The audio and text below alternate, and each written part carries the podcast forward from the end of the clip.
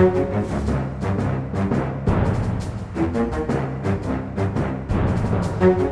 nei, men Da tror jeg vi bare må kjøre på, for her er det veldig mye. Velkommen til denne ukens Aftenpodden. Vi er på plass i studio. Jeg heter Lars Glomnes, og du Sara Sørheim. God morgen, god morgen. God morgen. Tilbake fra vinterferie.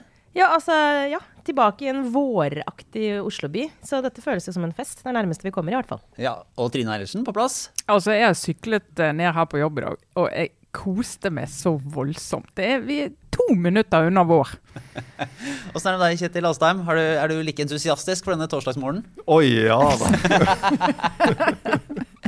Det er jo, Bobler over. Ja, og ikke bare er det vår, og ikke bare er vi tilbake etter, etter Saras eh, lille vinterferie, alle sammen. Vi kan også glede oss over en, en sak som jeg må innrømme at jeg har Altså, jeg nyter hvert lille minutt av denne Skal vi kalle det Molde-gate? Ja, altså Den er eh, en perfekt sak for sånne som oss. Rett og slett, tusen hjertelig takk. Det er det beste som har skjedd i dette drittåret 2021. Så det er bare å bare, å- Jeg bare gleder meg til vi skal gå inn i detaljene her, og advare lytterne samtidig. Men det kan hende at det er en sånn entusiastisk glød i stemmen nå som kan virke litt usjarmerende, men den er ekte, i hvert fall. Det er vel det beste som har skjedd siden noen i det politiske miljøet i Oslo forsøkte å flykte til Nesodden for å ta en utepils. Som noen kanskje husker i ja, Ja, fordi, mars-april. altså, vi skal ikke eh, si at dette er den viktigste saken i, i verden eller Norge. Og, Det eh, velter ikke Norge på noe vis. Men det er jo derfor vi kan tillate oss å si at det er en såpass gøyal sak. Ja, fordi eh, bare helt eh, kort oppsummert, så er det da Molde-ordfører Torgeir Dahl som eh, var ute i et intervju i VG og kritiserte Raymond Johansen og Oslo-byrådet for deres håndtering av koronasmitten. Og stilte også spørsmål om, måte, om de har gjort jobben sin, og om Oslos innbyggere klarer å følge reglene. Ja. Klassisk eh, sånn distriktsopprørssak i debatten om vaksinefordeling. Da. Det var jo et, også et opprop fra flere ordførere i Møre og Romsdal som, som eh, sa nei til at Oslo skulle få flere vaksiner, fordi de mente at det skal fortsette med den, den distriktsvennlige skjevfordelingen som man hadde fram, eh, hatt fram til nå. Og, og i enhver situasjon så ville det vært en sånn for så vidt vært en sak, kanskje, at en ordfører kritiserer Oslo på den måten. Men det er klart at dette traff jo midt i en sånn underliggende, som du var inne på nå, Lars, en underliggende ganske svær og egentlig relativt betent diskusjon om nettopp eh, koronahåndteringen i lys av liksom, by- og land-problematikken.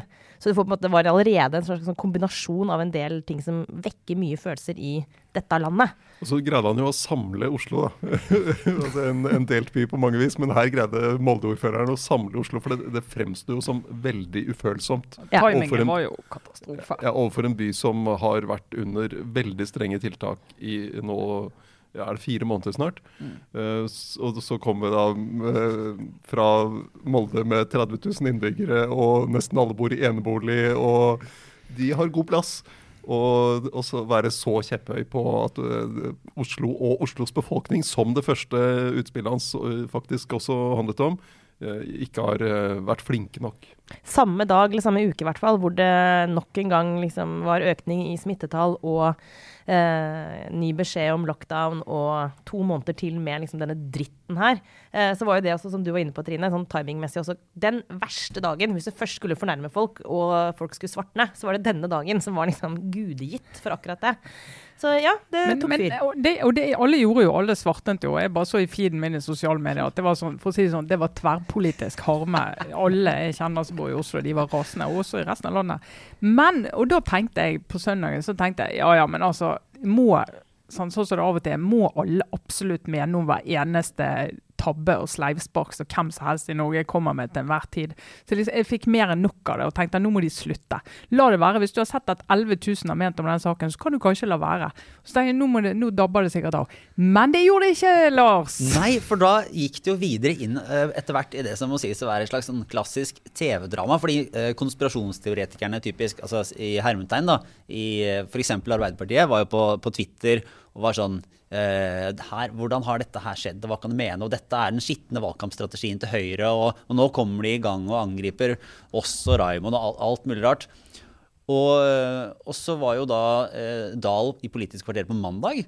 eh, Og, kom, og det, var jo litt sånn, det lå litt sånn innunder i noen av spørsmålene fra Ingunn Solheim vel, at, at var det her et koordinert angrep på noe vis? Var det noe som hadde vært diskutert i Høyre? Var det noen flere som stilte seg bak dette? Nettopp fordi hadde, hadde noe mer vekt enn en, eh, en ordfører fra en middels stor norsk by som, som, mente noe som var upopulært. Og han var jo da tydelig på at nei, han hadde ikke vært i kontakt med regjeringsapparatet. Hadde kanskje vært en, litt i kontakt med Helse- og omsorgsdepartementet i forbindelse med håndtering av oppmerksomheten. og i forkant av Politisk kvarter, men, men nei, nei. Ikke noe, ikke noe annet. Og her begynner jo da å rakke rakne for regjeringa. For det var jo selvfølgelig ikke sant. Eller det, det, var i hvert fall uriktige opplysninger. Fordi det viste seg jo at eh, statsministerens statssekretær Peder Egeseth hadde vært involvert i dette. og hadde bidratt til å få solgt inn saken til VG. Ja, og det er da du er i den klassiske sånn at det er ikke nødvendigvis saken i seg selv som er problemet, men uh, the cover-up, sant? Som jo er en sånn uh, Det er den tabben man ofte gjør. Det er, som, det er, det som egentlig er hele grunnlaget for at vi har PR-byråer som tjener penger i dette landet. For de kan gi det rådet. Hvis du først har driti deg ut, så innrøm det med en gang. Og ikke ljug, ikke ljug! Si sannheten. Og hver gang man på en eller annen måte ikke helt fremstår som at man har gjort akkurat det, sagt sannheten, så er det trøbbel. Og da, ja. Så etter det så ble det jo en helt annen sak, og det var da det egentlig ble en sak. Det er ikke ja, det som er knaggen. Og da, det, si, det, er jo lett å si at du ikke skal fortelle sannheten. Nei, altså, du skal fortelle sannheten. Ja, du må, huske, du må ikke blande de to. Nei, må ikke blande de to. Det er veldig, det er veldig viktig. Det er PR-byråenes uh, første, første, bud. Men uh, det andre er når sannheten egentlig er verre enn det som har kommet fram, så er det jo ikke like lett. For det, det var jo på en måte Det viste seg å være mye mer klønete var mye mer dramatisk for Erna Solberg og regjeringen enn det man kunne få inntrykk av. Og, og, enn det Erna Solberg hadde inntrykk av. Ja. ja, for før dette her kom frem, eh, så hadde jo hun vært uh, ute og sagt uh, at det var et sidespor, og ikke ønsket den ja, uttalelsen velkommen. Det sa hun, men hun sa det etter mitt syn altfor sent. Hun, ja. hun kom med det ut på, godt ute på mandag ettermiddag. hun var ute og uttalte seg også på søndag. Men da, da, ville hun ikke gå inn i det, debatten i det, i det, hele tatt. Hun ville ikke Hun sa ingenting. Hun, sa, hun, veldig, hun, greide ikke å få frem et budskap om at Oslos befolkning har hatt det tøft veldig lenge. Så det, det var, og, og, heller ikke fra Bent Høie, og det har jo vi etterlyst i denne podkasten tidligere. At de må snakke om den situasjonen som er i Oslo. De, de, klarte det heller ikke på søndag. Ja, de må liksom greie å snakke samlet i hele landet, men også kunne greie å, å, vise og ha omsorg for de som har det verst. Og det er ikke Molde. Men da ble det jo ikke noe bedre. eller den første, jeg er helt enig i det. Var seint ute og ikke så veldig overbevisende i den eh, sånn dette her er vi er ikke noe vi ønsker. Da blir det jo skapt tvil. Da, sant? fordi at Hvis du virkelig er samlet, så selv om det er en ordfører fra ditt eget parti, så kan du jo klare å liksom bare gi han en mild sånn Du vet du, Oslo har faktisk hatt det spesielt tøft. Og selv om du er fra mitt parti, så ha i hvert fall det i bakhodet når du snakker. Det er helt greit å si. Hvis du virkelig mener at du skal være samla, og da måtte hun gjort det raskt.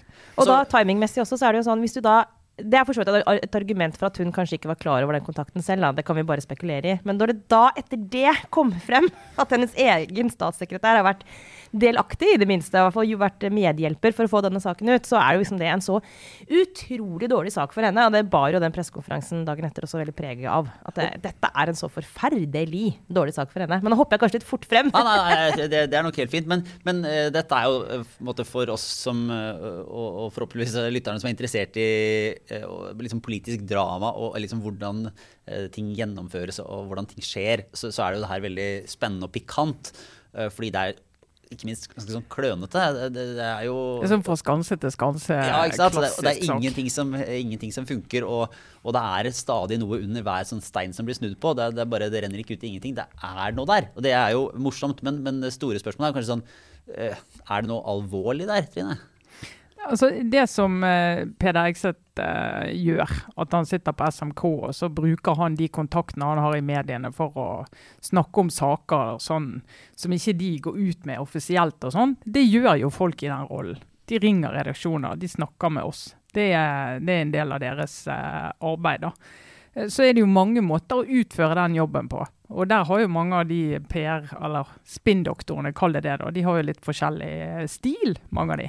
Og noen de er veldig hva skal jeg si, jobber litt sånn enkelt eh, og ringer til eh, rutinerte reportere og kommentatorer og snakker til oss som om vi er ni år eh, og prøver å misjonere. Det funker aldri, nesten. Med mindre den som er i mottaket er helt enig, og det blir bare sjelden interessant. De som er mer avanserte, de ringer og tar kontakt og gir bakgrunn, og ikke bare alltid sånn positiv bakgrunn, eh, men gir også nyanser i saken, sånn at du virkelig skal forstå prosessen og hvor uenigheten er i regjeringsapparatet f.eks., eller mellom regjeringspartiene, og forklare det litt grundig. Og kan også dele litt sånn frustrasjoner, eh, sånn at du får en opplevelse av at du får noe ordentlig. da. Og Der er det veldig, det er veldig forskjell på det, i hvor avanserte de er når de gjør denne jobben. Det er noen som føler at, du bare, som, at de bare liksom roper til deg talepunkter fra en faktisk pressemelding, og så er det andre som det er interessant å snakke med fordi de kan gi en analyse og forståelse. Men det er jo en del av ja, det, er de, det er de siste, de som er interessante å snakke med. Eh, de er jo interessante å snakke med, men de er jo også de som er mest effektive. De når jo mest frem. Mm. For de som kommer med talepunkter, de er, du begynner å se på klokken etter sånn 11-12 sekunder og si, lurer på hvordan de kan få avsluttet denne samtalen. Men her er, jo, her er jo, problemet for, for, Erna Solberg dukker opp her når, eh, når, hennes statssekretær, som i utgangspunktet er altså, helt nært, og det en statssekretær gjør, er jo på en måte det en statsråd gjør. Innafor de faktiske politiske prosessene så, så er det jo så, og For Stortinget f.eks. så kjenner jo bare statsråden. Så, så, Det statssekretæren har gjort, og tabber som statssekretæren gjør, det mm. er egentlig statsrådens problem. Husker jo altså Lysbakken i den pengestøttesaken til Jenteforsvaret var jo på en måte noe Audun Lysbakken ikke var direkte involvert i, men han måtte ta det ansvaret. Så er det jo litt annerledes når det dreier seg om sånn utadretta virksomhet til uh, ja. folk. Men Da må vi kanskje forklare Lars, at uh, denne statssekretæren er jo en litt spesiell type statssekretær. Den rollen som Peder Eggseth har. Fordi mange av de gjør nettopp det du beskrev nå. altså De fleste statssekretærene driver egentlig med saksbehandling og er håper å si, som supervikarer for statsråden. I mange land kalles de jo deputy. altså ja. nestkommanderende ja. i uh, visestatsråd. Sant? Men på SMK, altså statsministerens kontor, så har de en sånn statssekretærfunksjon. Jeg tror nesten, jeg er ikke sikker på om det alt, alle har den samme typen funksjon, men det har jo også Stoltenberg hadde sine, og Erna har hatt sine, som er som statssekretær for presse. er kanskje det som er tittelen. Jeg er litt usikker på om det er det som er Peders tittel, men det er en funksjon som egentlig Det er Rune Alstadsæter som har den uh, funksjonen, men Peder har jo jobbet med den type oppgaver tidligere, i, uh, også i stortingsgruppa. Så det er jo en del av det, det han også driver med. Og så har du jo den type funksjoner i partiene på, på Stortinget, opposisjonen. altså De som jobber med presse og den type eh, kontakter. da. Og de er jo ikke helt uh, lette alltid å vite hva de driver med, og, de skal, de, og det er helt fint at de har en altså For oss journalister er det helt fint at det er noen som har en rolle som egentlig handler om å snakke med oss. Flott! Vi vil gjerne at det, liksom, de skal bruke masse tid på oss, men, men, som du var inne på, Kjetil, så er det jo uh, i denne rollen her så er det noen forskjellige måter å gjøre det på. Uh, og det er sjelden du ser at det liksom virkelig backfire, sånn som det har gjort i denne saken her. Fordi det Peder Eggseth gjør, er jo å prøve på en måte å få ting ut i offentligheten som um, skal underbygge liksom, regjeringen eller hans, sjefen hans eh, sin posisjon. Eh, men det som gjør denne saken ekstra pikant, er at her hvis han har liksom, virkelig aktivt jobbet med å forsøke å få opp kritikk mot Oslo i forbindelse med den vaksinediskusjonen, så må han da ha misforstått eller bomma på hva som egentlig er ønsket av hans sjef. Eh, ikke sant? Fordi Normalt så vil jo de da jobbe med saker som, som sånn at Erna Solberg selv kan stå der og liksom ikke bli skitten på hendene, men sørge for at du får en underskog av debattanter og en diskusjon i offentligheten som på en måte dytter folks meninger i riktig retning. sant? Og, og det er, altså hvis Dersom det var en åpen eh, konflikt mellom regjeringen og Oslo, så, så ville det på en måte vært innafor det oppdraget. ikke sant? Det ville, ja. vært, sånn, det ville vært en kanskje det er liksom den skitnere sida av politikken, da, men du vil alltid skjer jo ja, dag. Gi, gi informasjon som er fordelaktig for deg, og, og, ikke fordelaktig for de politiske motstanderne. Helt greit og en del av ryddig spill. Uh, men her har jo Erna Solberg på en måte bygd sin uh, offentlige troverdighet og sin posisjon det siste året på å være en sånn samlende statsminister som skal snakke om at det er vi. ikke sant? Bent Høie har stått og gitt klemmer og si, billedlig og, og prata om, uh, om hvor samla vi står og hvor lite konflikter det skal være. og og Høyre har jo på en måte styrka seg på å være et sånn ansvarlig styringsparti. Og da mm. er det jo noe av det pikante i at en av hennes absolutt nærmeste medarbeidere sitter og bidrar til en konflikt om smittevernhåndteringen, som fyrer opp under en allerede ganske sånn betent strid mellom by og land, da, ikke minst. Nå må vi huske at hennes uh, sinne, Erna Solbergs raseri, hva vi skal kalle det for noe, det var jo, hvis vi nå skal snakke litt om den pressekonferansen også, det var jo sjelden at man har sett lignende karakterdrap eller hva skal vi si, kjennepreken eller refs da, uh, i offentligheten. Men det er klart at jeg tror man må tolke det at hun, det at hun virkelig da helt åpenbart er liksom fortvilt og forbanna over denne um, framferden. Det er jo ikke fordi at Peder Egseth har vært i kontakt med journalister, men det er fordi at han har bomma på bomma på eh, budskapet. Men, men hvor, altså sånn, nå, vi, nå, har det jo vist seg da, at uh, Høyre har jo på en måte bomma og bomma. Og hvis man skal være om ikke konspiratorisk, så kritisk, så har det jo eh, til dels noen har uttalt seg usant, noen har holdt tilbake informasjon. Eh, det har jo faktisk eh, bidratt til å Altså, de har jo fulgt en, en en kan jo bare mistenke at det har fulgt en oppskrift og gjort akkurat det som er planlagt. Så hvorfor skal man på en måte tro at Erna Solberg Eh, faktisk ikke har visst om dette eller ikke har eh, støtta det her, litt sånn gjennom munnviken på kontoret? De, de, lærte jo ganske tidlig i pandemien at du kunne få eh, veldig sånn konfliktfylt eh, situasjon med de ulike deler av landet opp mot hverandre. Søring-karantene og konflikter rundt hyttefolk og sånt. Eh, så det, de, det, de, det de lærdommen de trakk av det da de skulle åpne litt igjen etter den første lockdownen, var at de skulle vi må, vi må, prøve å gjøre dette i størst mulig grad sammen. altså Hele mm. landet går mer eller mindre i samme tempo, og så må du ha ulike tiltak da, avhengig av smittesituasjonen i ulike deler av landet. Men det der å unngå at dette blir en sånn konflikt mellom der det er smitte og der det er lite smitte, prøve å ha dette mer koordinert, var noe av det de lærte tidlig. Og det, det, er, det er de opptatt av nå også. Og I tillegg så har du jo den by-land-konflikten som ligger der som en sånn sprengstoff inn i hele valgkampen. og med Senterpartiets uh, suksess på målinger og sånn. Og de vil jo ikke Det å røre opp i den i, når du skal håndtere en pandemi, det er ikke så veldig konstruktivt. Men, men du sier de vil ikke. Men altså, dette er det er de som sitter og styrer dette og gjør dette hver dag. Men, men, de gjør jo det. Men ikke vi skal, hvis ikke vi skal, altså hvis vi skal si vi ikke tror på at Erna Solberg ikke skjønte altså, å være en del av denne strategien. Det er jo å ta det ganske langt. Det må vi ha veldig belegg for. Og, og det er, jeg har ingen indikasjoner på Ikke tro hun på at hun ikke visste at Peder setter på med dette. Og så kan jo sjekk, Sjekkspørsmålet er jo hva ville de oppnå med å gjøre det? Hva ville de oppnå? De ville oppnå at uh, noen ordførere kritiserer Oslo, men det gjør jo ordførere hele tiden. På daglig basis. Uh, og kommentatorer og alt i hele Norge. Så det er liksom ikke så mye gevinst i det. Eh, de ville oppnå eh, Hvis de ikke ønsket å endre vaksinestrategi, så kunne de oppnå for å forsterke sin argumentasjon. Men de skulle jo endre vaksinestrategi. De hadde jo allerede bestemt seg for det. Sånn at Dette var jo direkte kontraproduktivt mot det som de skulle komme med denne uken. Når de skulle si at nå gir vi noen flere vaksiner til Oslo fordi at de har høye smittetrykk. Og, og da, du, da, blir liksom det også en veldig dårlig sak for de pga. den saken. Sånn at substansen i saken tilsier at Erna Solberg ikke visste dette, og, og hva Peder Ekseth har tenkt på det. Det vet jo bare Peder Ekseth. Men jeg må jo si, når jeg så Erna Solberg på den eh, pressekonferansen, så Og det tror jeg eh, alle som har hatt lederansvar en eller annen gang, kanskje gjorde. Stå, stå i hennes sko. Vet du hva, jeg hadde vært så forbanna. Jeg hadde vært, da hadde jeg tenkt Jeg jobber med dette dag og natt. Jeg prøver å finne løsninger, politikk, få liksom ta imot innspill, holde på. Nå har jeg kastet vekk tre døgn pga. rot i egne rekker, fremfor å få lov å jobbe med det jeg skal jobbe med. Jeg hadde vært så forbanna. Å herregud, jeg blir redd bare du altså, Jeg kjenner sånn ekte ubehag. Tanken på å ha gjort noe. Men er det, er, er, det en, er det, en, langsiktig utfordring for Erna Solberg der? Tror du det rammer det hennes troverdighet i denne saken videre, eller er det noe som blåser over i løpet av et par dager eller et par uker, eller hva det måtte være? Det er jo en av de sakene vi kommer til å huske.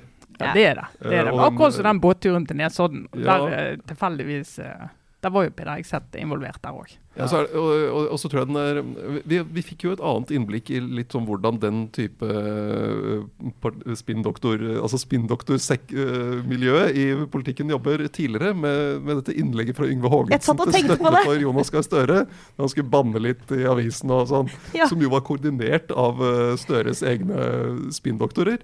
Eh, og det, jo, det, det, ble jo bare litt sånn pinlig for Arbeiderpartiet å komme ut. Men de sto jo inne for budskapet. Mm. Mens her er forskjellen at uh, det er ikke bare pinlig for, uh, for, Solberg. Hun er blitt undergravet av altså Det hun ønsker, er blitt undergravd av hennes egen medarbeider. Og det er jo uh, mye tyngre.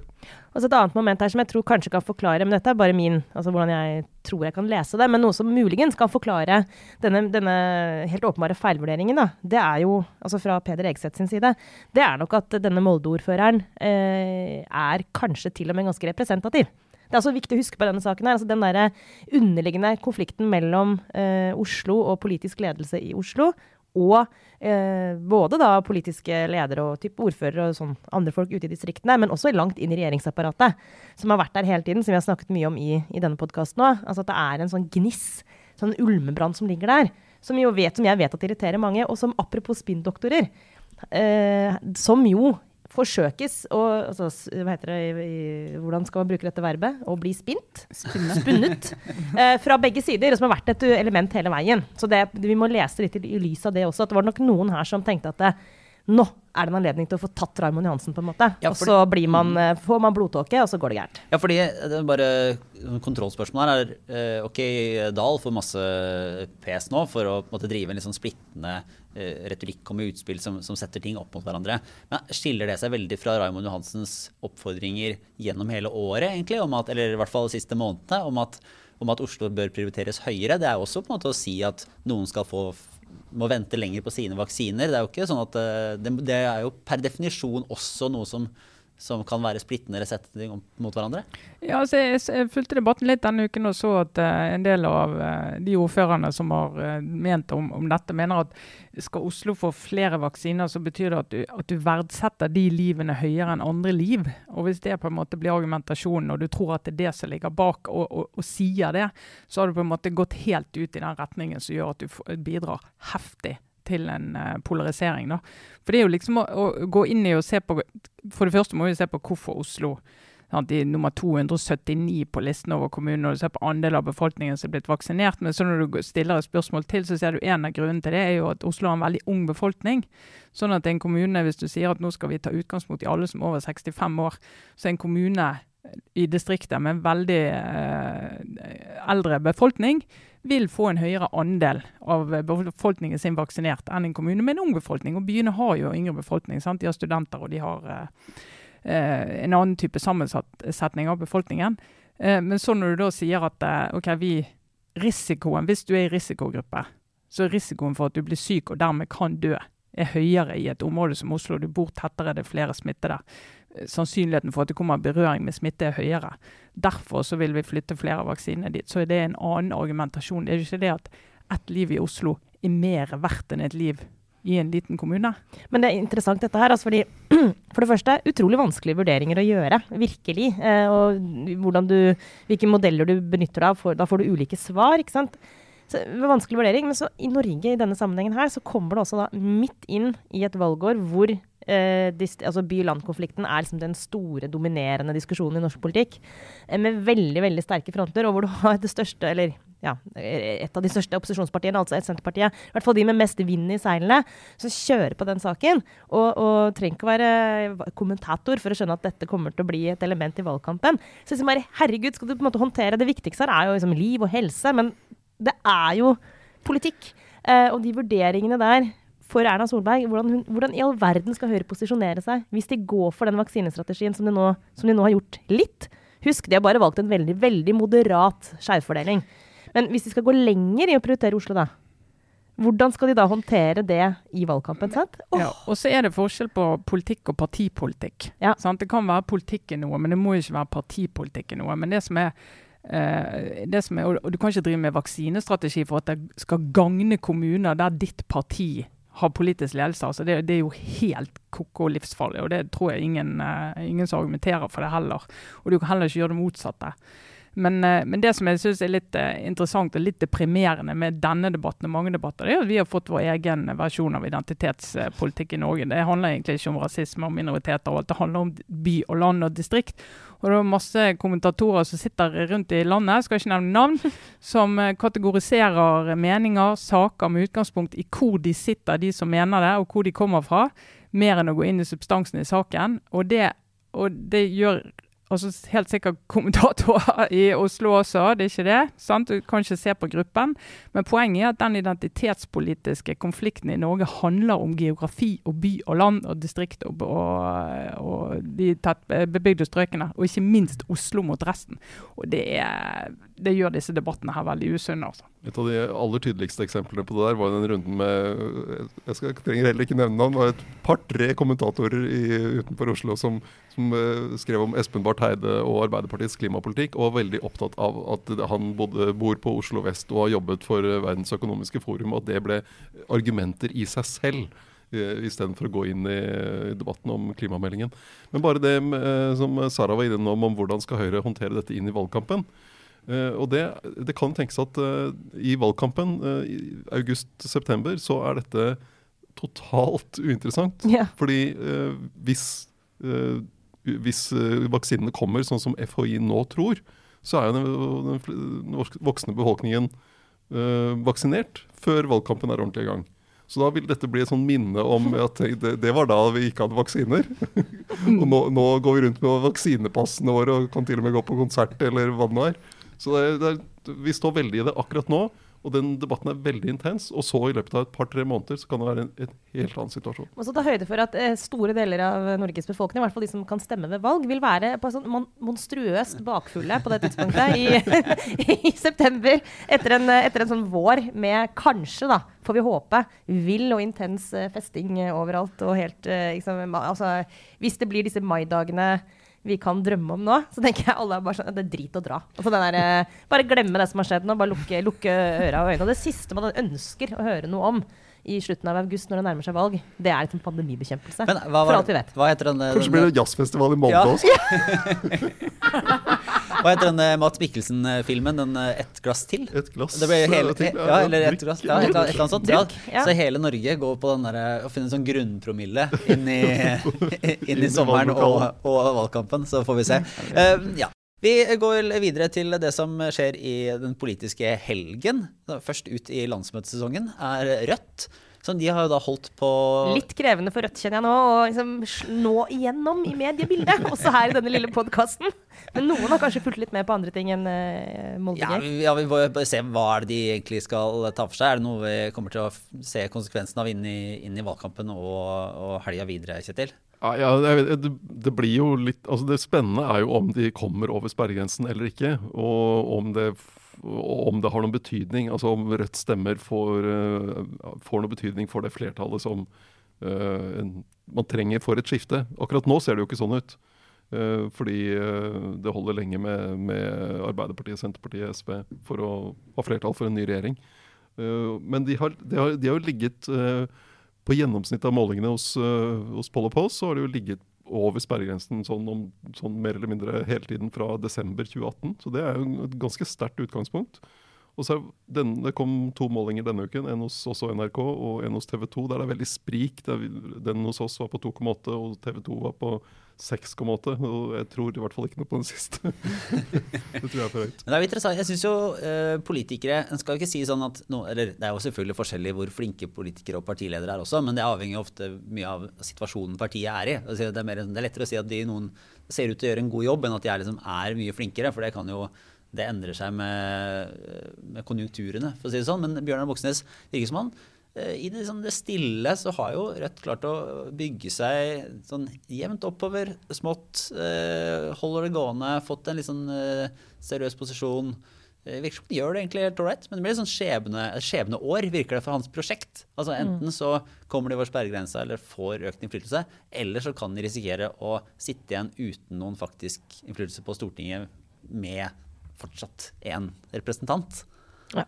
Det er litt sånn øh, Og da, da, har på en måte han vært partileder såpass lenge og jobbet såpass lenge med den uh, relative fornyelsen av partiet. da. Som vi har diskutert tidligere, så er jeg faktisk litt sånn usikker på om den fornyelsen hvor langt den når inn i partiorganisasjonen. Uh, og i hvor stor grad Rødt liksom faktisk nå er, har tatt noen skritt, eller om, eller om, de er ganske dominert av de som egentlig har vært dominerende i partiet i, i ganske mange tiår. Uh, men hvis ikke Bjørnar Moxnes nå liksom tar partiet over sperregrensa, så blir det interessant å se da om han liksom går løs på et, enda et nytt forsøk, eller om det er duket for den allestedsnærværende Mimir Kristiansson i Stavanger, som jo prøver å komme seg inn på Stortinget nå. Vi får se om det går, da. Jeg er litt usikker på hvor sannsynlig det er. Men, men uh, som jo helt åpenbart har ambisjoner om å nå lenger enn Stavanger-politikken. Uh, og som jo ikke tar seg noe, hva skal jeg si, som ikke, som ikke lar seg stoppe av sånne små hindre som at det kan være litt ehm, litt trettende, f.eks., og dunke løs på den Oslo-boble-retorikken som han har funnet seg veldig godt til rette i. da. Så det skal bli interessant. Da kan Trygve Slagsvold Vedum kanskje få seg en reell motstander i, på venstresiden. Men ja, det er litt fram i tid. Og så er spørsmålet, altså Det virker som Bjørnar Moxnes' strategi er å liksom flytte partiet litt forsiktig i retning av det å ønske innflytelse. Ikke ansvar, men, men innflytelse. Eh, Men det gjør jo også at forskjellen mellom Rødt og SV blir enda mindre. Altså, Det blir enda vanskeligere å skille hva er egentlig poenget med å ha to, de to partiene på venstresiden. Mm, det er jo ikke noe poeng med det. Nei, og det, men, og det, og det blir enda, enda mindre tydelig, da. Men jeg har sett litt på noen av de dissensene som er i De skal jo behandle partiprogram, selvfølgelig. Og, Altså bare For å ta det bare ned Altså vi- Dissensene, det er, det er uenighet om eh, forslag til partiets politikk. Ja, det er det, et det, kan- det kan være et sånn lite, lite lesetips til folk som har lyst til å følge med på landsmøtene og lurer på hva som blir dramatisk. Skal de gå inn på nettsidene og så skal de se om de kan finne dissenser? Det pleier ofte å komme veldig tett på eh, når landsmøtet starter, for da kan du se hva som blir krangel på det landsmøtet. ja, ikke sant? Det er der spenningen stort sett ligger. Hva er det de, hva er det de ser på nå, Kjetil? Nei, de, det er om rusreformen. Den er jo øh, aktuell. Eh, og om leksefri skole, der er det uenighet. Og så er det noe- vil da flertallet ha streikerett for skoleelever. Det, er, det er Mimir Kristiansson imot. Bra! Ja. Og om klimapolitikken. Klimapolitikken er det uenighet om en sånn klimarabatt. Altså at man har klimaavgifter, men gir penger tilbake til noen. Eh, og litt om havvind og oljenedtrapping og sånn. Og man skal redusere kjøttforbruket. Og så eh, er de for rovdyr, men eh, de er jo for rov mot rovdyrkapitalisme, selvfølgelig. Og så er det et forslag om å, om å forby ville dyr i sirkus. Eh, og der er dissens som vil stryke ville, altså forby dyr i sirkus. Altså alle dyr. Og et interessant lite siste forslag her, som er også en dissens, det er å tillate profesjonell thaiboksing og MMA, altså mixed martial arts, som kampsporter. Altså, dette er eh, det beste Dette er det men dette er det beste med demokrati. Ja. For det er, det er sånn det er. Det er disse sakene som skal diskuteres og landes i partiprogrammene. Det er ikke bare liksom skal handlingsregelen være tre eller fire. Altså, det, de store, det er disse sakene her. Jeg liker. Men altså, nå, jeg er ikke sikker det er noen motsetning i det hele tatt. Men det, bare, de vil tillate thaiboksing. og vil Dette er jo et parti som altså det, stammer, det har jo røtter i, eh, i en væpna revolusjon. revolusjon. Ja, og nå er det altså et forslag om at de skal tillate mer kampsport. Så det er, det er, en, det er en rød tråd her. Det er mulig å se, det er mulig å se noe her, ja. Mm. Ta overta vi, Ja, nei, vi, ikke- vi kan la den ligge. Men uh, jeg syns MMA er helt grusomt. Eller ikke MMA, det er narkoman. Det er Nei, nei. dopet, det. Nei, er- MDMA er dopet. MMA er, eh, er eh, arts. ja. Så jeg er mot begge deler. Ja. Tre bokstavforkortelser. Skadelige. Ja. Nei, men Da lurer jeg på Vi går inn i en runde med obligatorisk refleksjon. jeg. Og jeg tror kanskje jeg kan begynne. Eh, fordi jeg har en eh, Det er en litt sånn forunderlig historie. men Det er egentlig en podkastanbefaling som jeg ikke har delt i podkasten, men eh, direkte med deg, Trine. Så jeg tror du også har hørt, hørt den. Har du en sånn eksklusiv greie hvor liksom, de beste tipsene gir du rett til Trine? Ja, ikke sant? Ja, du sparer det. Ja. Ja vel! Jeg Nei, vet ikke helt hvordan vi kom inn på det, men Nei, altså jeg tror uh, er altså Reply All er en veldig god podkast som jeg har hørt uh, lenge, som har ulike temaer og, og ulike ting. Og de har lagd da en spesialserie som heter Test Kitchen, som dreier seg om dette matbladet Bon Appetit i, eh, i eh, New York.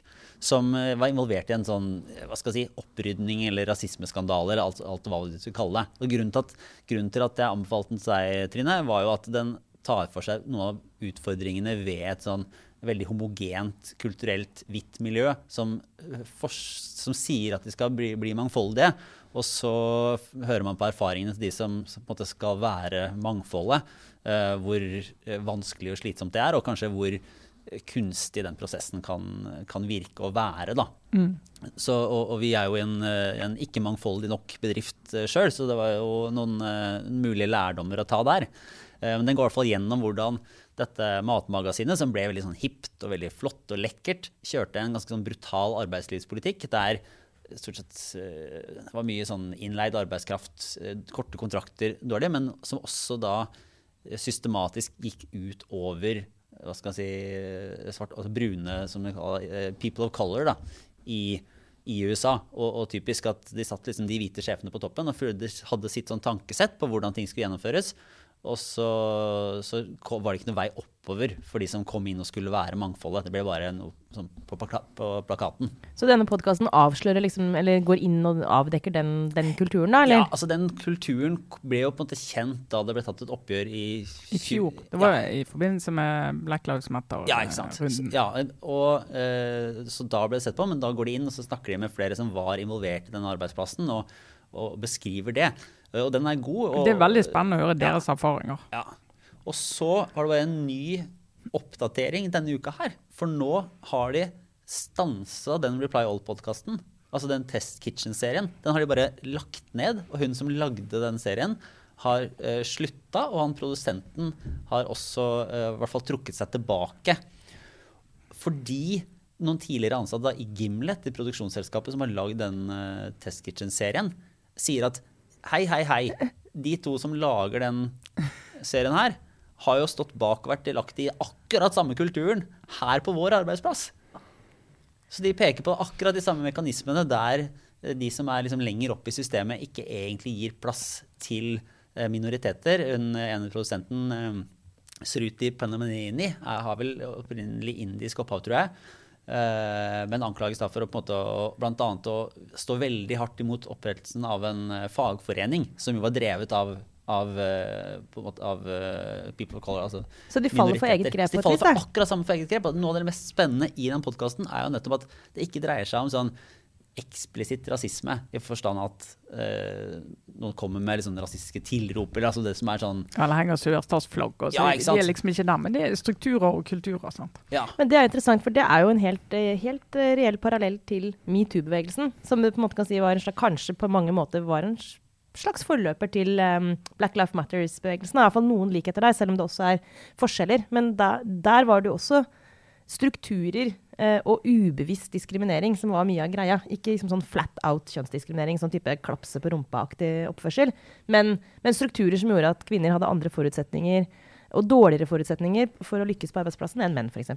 Det er jo, høres jo ganske ja, parallelt ut. Akkurat der og der. eh, Det er jo litt fascinerende. Og en vet jo ikke hva disse produsentene som lagde denne serien, tenkte underveis. Men jeg mistenker jo at de kanskje ikke skjønte at de selv var en del av eh, noe som var helt Men hun hadde jo, hun programlederen, anbefaler folk å høre det, hun programlederen hadde jo en del sånn refleksjon rundt organisasjonen hun hadde jobbet i underveis, og det vi også. Men det var jo ikke så mye sånn jeg-form. men det Og det kan være nettopp fordi at hun har indisk eh, bakgrunn at hun ikke så sin rolle i det. Hmm. Så ja, i hvert fall det det er anbefalt å høre Reply All, de to episodene av Test Kitchen. Det ble ikke noe mer. Det er veldig synd at det ikke ble mer.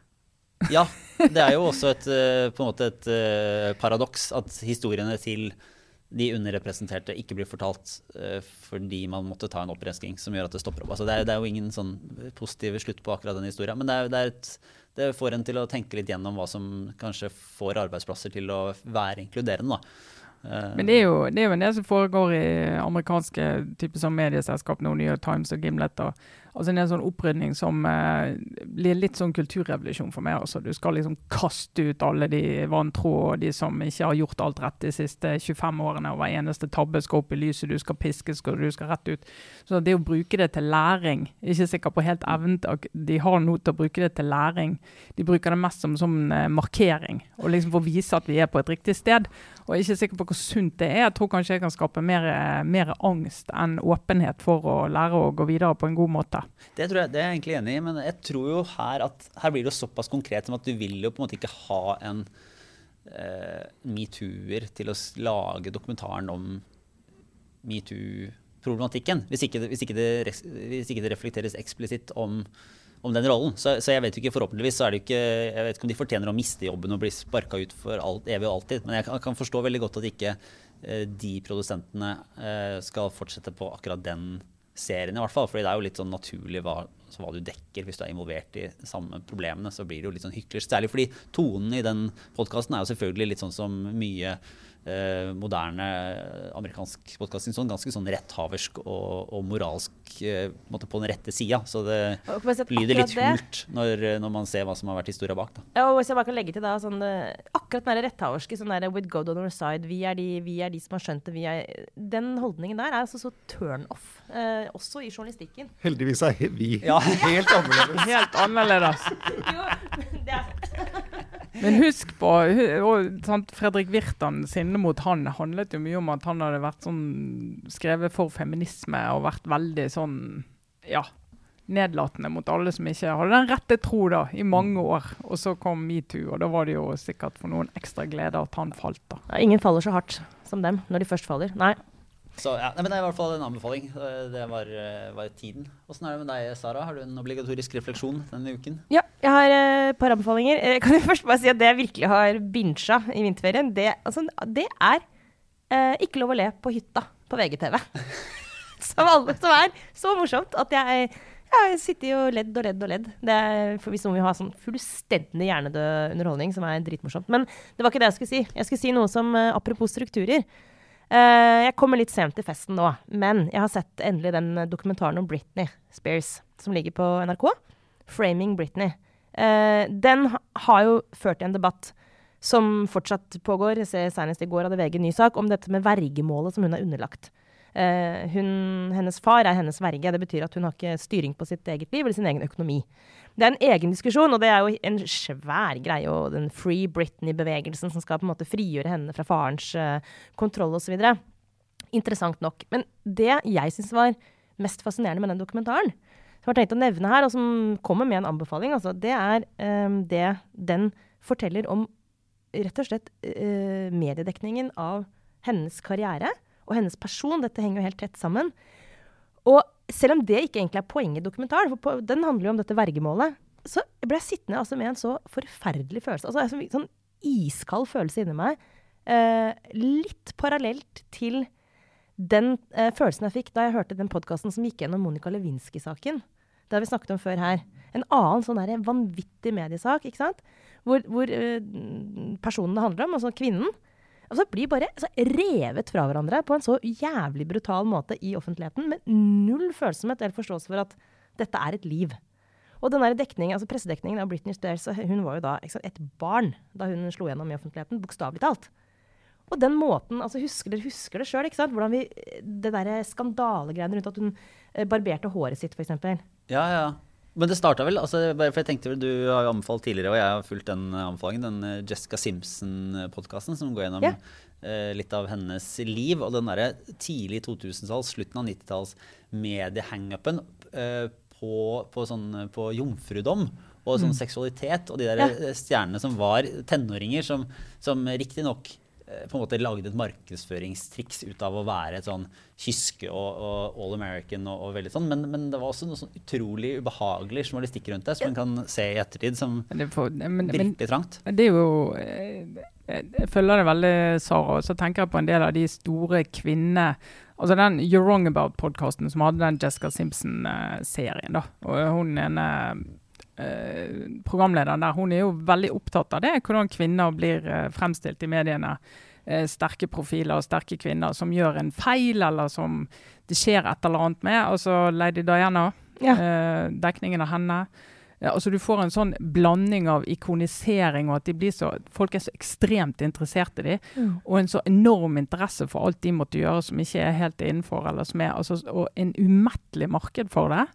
Eh, og det hele denne tanken på at dette er et menneske, dette er et liv, den fins ikke. Nei, Det er en sånn og det, det er mennesker som resten av livet Altså i i en alder i 20-årene, så er på en måte livet kjørt. Fordi at du er blitt et sånt medieobjekt som blir bare herset med på en måte som er fullstendig inhumant. Ja, ja, inhumant faktisk. Og også sånn den derre Altså hvor avkledde det blir. Det, det er som å liksom dra dem gatelangs med, etter håret, ikke sant. Og bare sånn, for å ta ett eksempel, da. Um, den der scenen hvor, hvor eh, Britney barberer seg på hodet og liksom klikker i offentligheten. Det var mye rundt det i, i denne dokumentaren, som, og det er klipp fra uh, den hendelsen og andre hendelser i den perioden der. Og den ene gangen hvor liksom, vi er med paparazziene som følger etter henne, og hun liksom, eh, slår på noen med en paraply eller hva som skjer Det jeg ikke var klar over, det som kommer frem i dokumentaren, er at den scenen den oppstår etter at uh, hun har forsøkt å få møte sin, sine barn. Mm. Hun ble jo da i en periode fratatt uh, retten til å møte barna sine. Og jeg kan bare forestille meg for ethvert menneske hvor forferdelig grusomt det er. Og hun sitter i en bil, og hun har kjørt til uh, faren til ungene og, og for å møte sønnen sin. Og så får hun ikke lov til det. Altså, det er en livskrise av enorme dimensjoner for ethvert menneske. Men det gjør altså hun med eh, titalls paparazzoer hengende etter seg hele tiden. Som faktisk stopper bilen. Og det ender jo med at hun da blir Hun sitter jo og gråter der og er et menneske i krise. sant? Og det, jeg skjønner ikke det mulig, for at jeg nå er, er mor selv og er et annet sted i livet. Men jeg må bare innrømme at jeg, tenk, jeg reflekterte ikke akkurat over det så veldig mye den gangen. der. Jeg lurer på om den perioden i journalistikken, men også i kulturen, Lars, er bare sånn journalistisk og kulturelt bare forferdelig lavmål. Altså, hva faen, unnskyld uttrykket, hva har du holdt på med, liksom? Hvordan Det, gikk det det? er Ja. sånn, jeg må bare tenke på noe Det, det som var Se og Hør-doktrinen da, her Ja. hjemme. eh, At uh, får vi være med på bryllupet, så skal vi være med på skilsmissen. Som Mm. jo er sånn Uh, en sånn forståelig eh, journalistisk grunnholdning at vi, vi, hvis vi, vi, vi kan godt skrive om de positive tingene, men vi må også kunne dekke liksom, eh, det som går galt og negative. Og så, men så er det noe med hvordan forholder du deg til at dette er mennesker som som da eh, også skal ha en respekt for sitt uh, privatliv, og, og, og ikke minst i en sånn krise som det. da. Mm. Jeg bare anbefaler alle å se den eh, dokumentaren. Ikke så mye, som sagt, pga. diskusjonen etter vergemålet. Det, der er det ikke innsyn likevel, så gud vet hva som er grunnen til det. Men, men bare se det som en, et tidsbilde. Som en dokumentar over en, en periode som kanskje nå ligger litt bak oss. Jeg håper det, men det er jo ikke lenge siden. Altså, det er bare, mm, ja, bare interessant å se at det der ikke, Var det ingen voksne hjemme, liksom, som bare sånn sa slutt? Vel. Så det var min lille, mm, det var min refleksjon, Lars. Og hvis man blir veldig lei seg av det, så se heller på Ikke lov å le på hytta. Åssen er det med deg, Kjetil? Nei, altså etter denne runden med Moldegate, så er det jo bare én anbefaling som gjelder, og det er å finne ut hvordan kan man få sett The Thick of It. Ja. Er, Den er jo noen år gammel, den uh, britiske TV-serien, fra da uh, som forteller om livet i Department of Social Affairs and Citizenship, som er påfunn av et departement, men da ikke minst og som skildrer jo ting som skjærer seg i, i skjæringspunktet da, mellom politikk og medier og med disse ulike spinndoktorene, og ikke minst da Peter Capaldi, skotten, i rollen oh, Malcolm. Malcolm. Tucker. Malcolm Som- Tucker. Åh! Altså, hvis, hvis Peder Engseth hadde vært utsatt for utskjelling fra Malcolm Tucker, så ville den pressekonferansen til Erna Solberg ikke vært noen ting i sammenligning. Jeg har prøvd å finne ut om det ligger på Netflix eller noe sånt. Jeg- har slitt litt med Jeg har ikke lykkes med det. Man må eventuelt bestille DVD-boksen, altså, hvis, hvis man ikke har sett den. Ja, vi må be, og Hvis noen av lytterne skulle vite hvor det kan strømme, så må de rett og slett spille inn til, på ja, det, er- det har, jeg har faktisk uh, prøvd å finne den sjøl uten å helt uh, få til, så det tar vi imot gode tips på. Du kan Da få kan låne jeg bare DVD-boksen min, du, Lars. Vi har den på hytta. Har du, har du han på Altså, Jeg også. Alle sesongene. Da må vi møtes med en gang korona er over på hytten. Det er to ting, det. aldri kommer til å kaste uh, noensinne uansett, det er den uh, Thick of It DVD på DVD som jeg har, og det er um, uh, White Wing på DVD. Wing. Ja, ja, eller er det West Wing? Wing? Det er West Wing. Nå, nå ble jeg så yr av tanken på Malcolm Tucker at jeg går helt i sur. Nå skal jeg stille. Jeg klarte å kaste både den DVD-boksen og den Extras. Det er to serier som Nei. jeg mener er de absolutt, eh, absolutte høydepunkter, men som ikke fins sånn tilgjengelig på strømming. Så det var en ordentlig tabbe. Det, er, det kan være en frarådning da, her på, på tampen. Men eh, du Trine, er Nei, liksom altså, skal få er runde av. i det der moraliserende hjørnet, merker jeg. Jeg, jeg snakket så vidt om det tidligere, men denne her eh, nye norske formen for identitetspolitikk, når vi sitter der og sier ja, men du sitter jo i Oslo, altså så hører jeg ikke på hva du sier, jeg bare ser på hvor du bor, og ikke minst hvor du bor i Oslo. Uh, og det der tror jeg, jeg tror jo det der er en, en eh, forferdelig uting. Og dermed, så nå hørte du sa det, eh, Kjetil, og vi har kalt det Moldegate. Når han herre Dahl, Torgeir Dahl, går ut sånn som han gjør, ordfører for Høyre fra Molde, så, skal, så, så begynner folk Det så jeg også på Facebook eh, rundt helgen. 'Å ja, Molde, og vi skal ikke aldri til Molde', og liksom Molde og alle moldensere. Tenk på de her stakkars folkene som bor i Molde. Det bor masse fornuftige folk i Molde som sikkert syns det der var helt ufattelig sløkket. Og så blir det en sånn Ja, nå er det alle mot Molde. Det kan ikke være mot Molde. Det er Torgeir Dahl som har sagt noe dumt. Det er ikke, det er ikke, det er ikke alle i Molde. Altså, vi må! Akkurat som for å si mediene. Så f.eks. for eksempel Mimmi Kristiansson fikk lov å si på Media 24 i går, og de utfordrer jo dessverre altfor sjelden sånne påstander.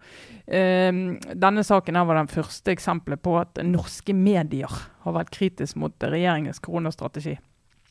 Og da, jeg, jeg, får, jeg blir altså så ufattelig provosert når du får sånne norske medier. Det er så lettvint! Det er så lettvint å si det, istedenfor å liksom differensiere og i hvert fall koste på seg et Noen norske medier har vært for lite kritisk, for det er ikke riktig. At det ikke, er... altså Fra Klassekampen til Aftenposten imellom der har det vært kritisk journalistikk mot eh, koronastrategien. Men det er noe så. Poenget er at med en gang vi begynner med sånn norske medier, norske politikere, Molde, Oslo jeg, jeg må slutte med det der. Det er fordummende. Det er idiotisk. Det er ødeleggende. Slutt. Du får se den uh, Utover hage-sketsjen igjen som heter eh, 'Sett meg ikke i bås', hvis noen husker den klassikeren. Ja.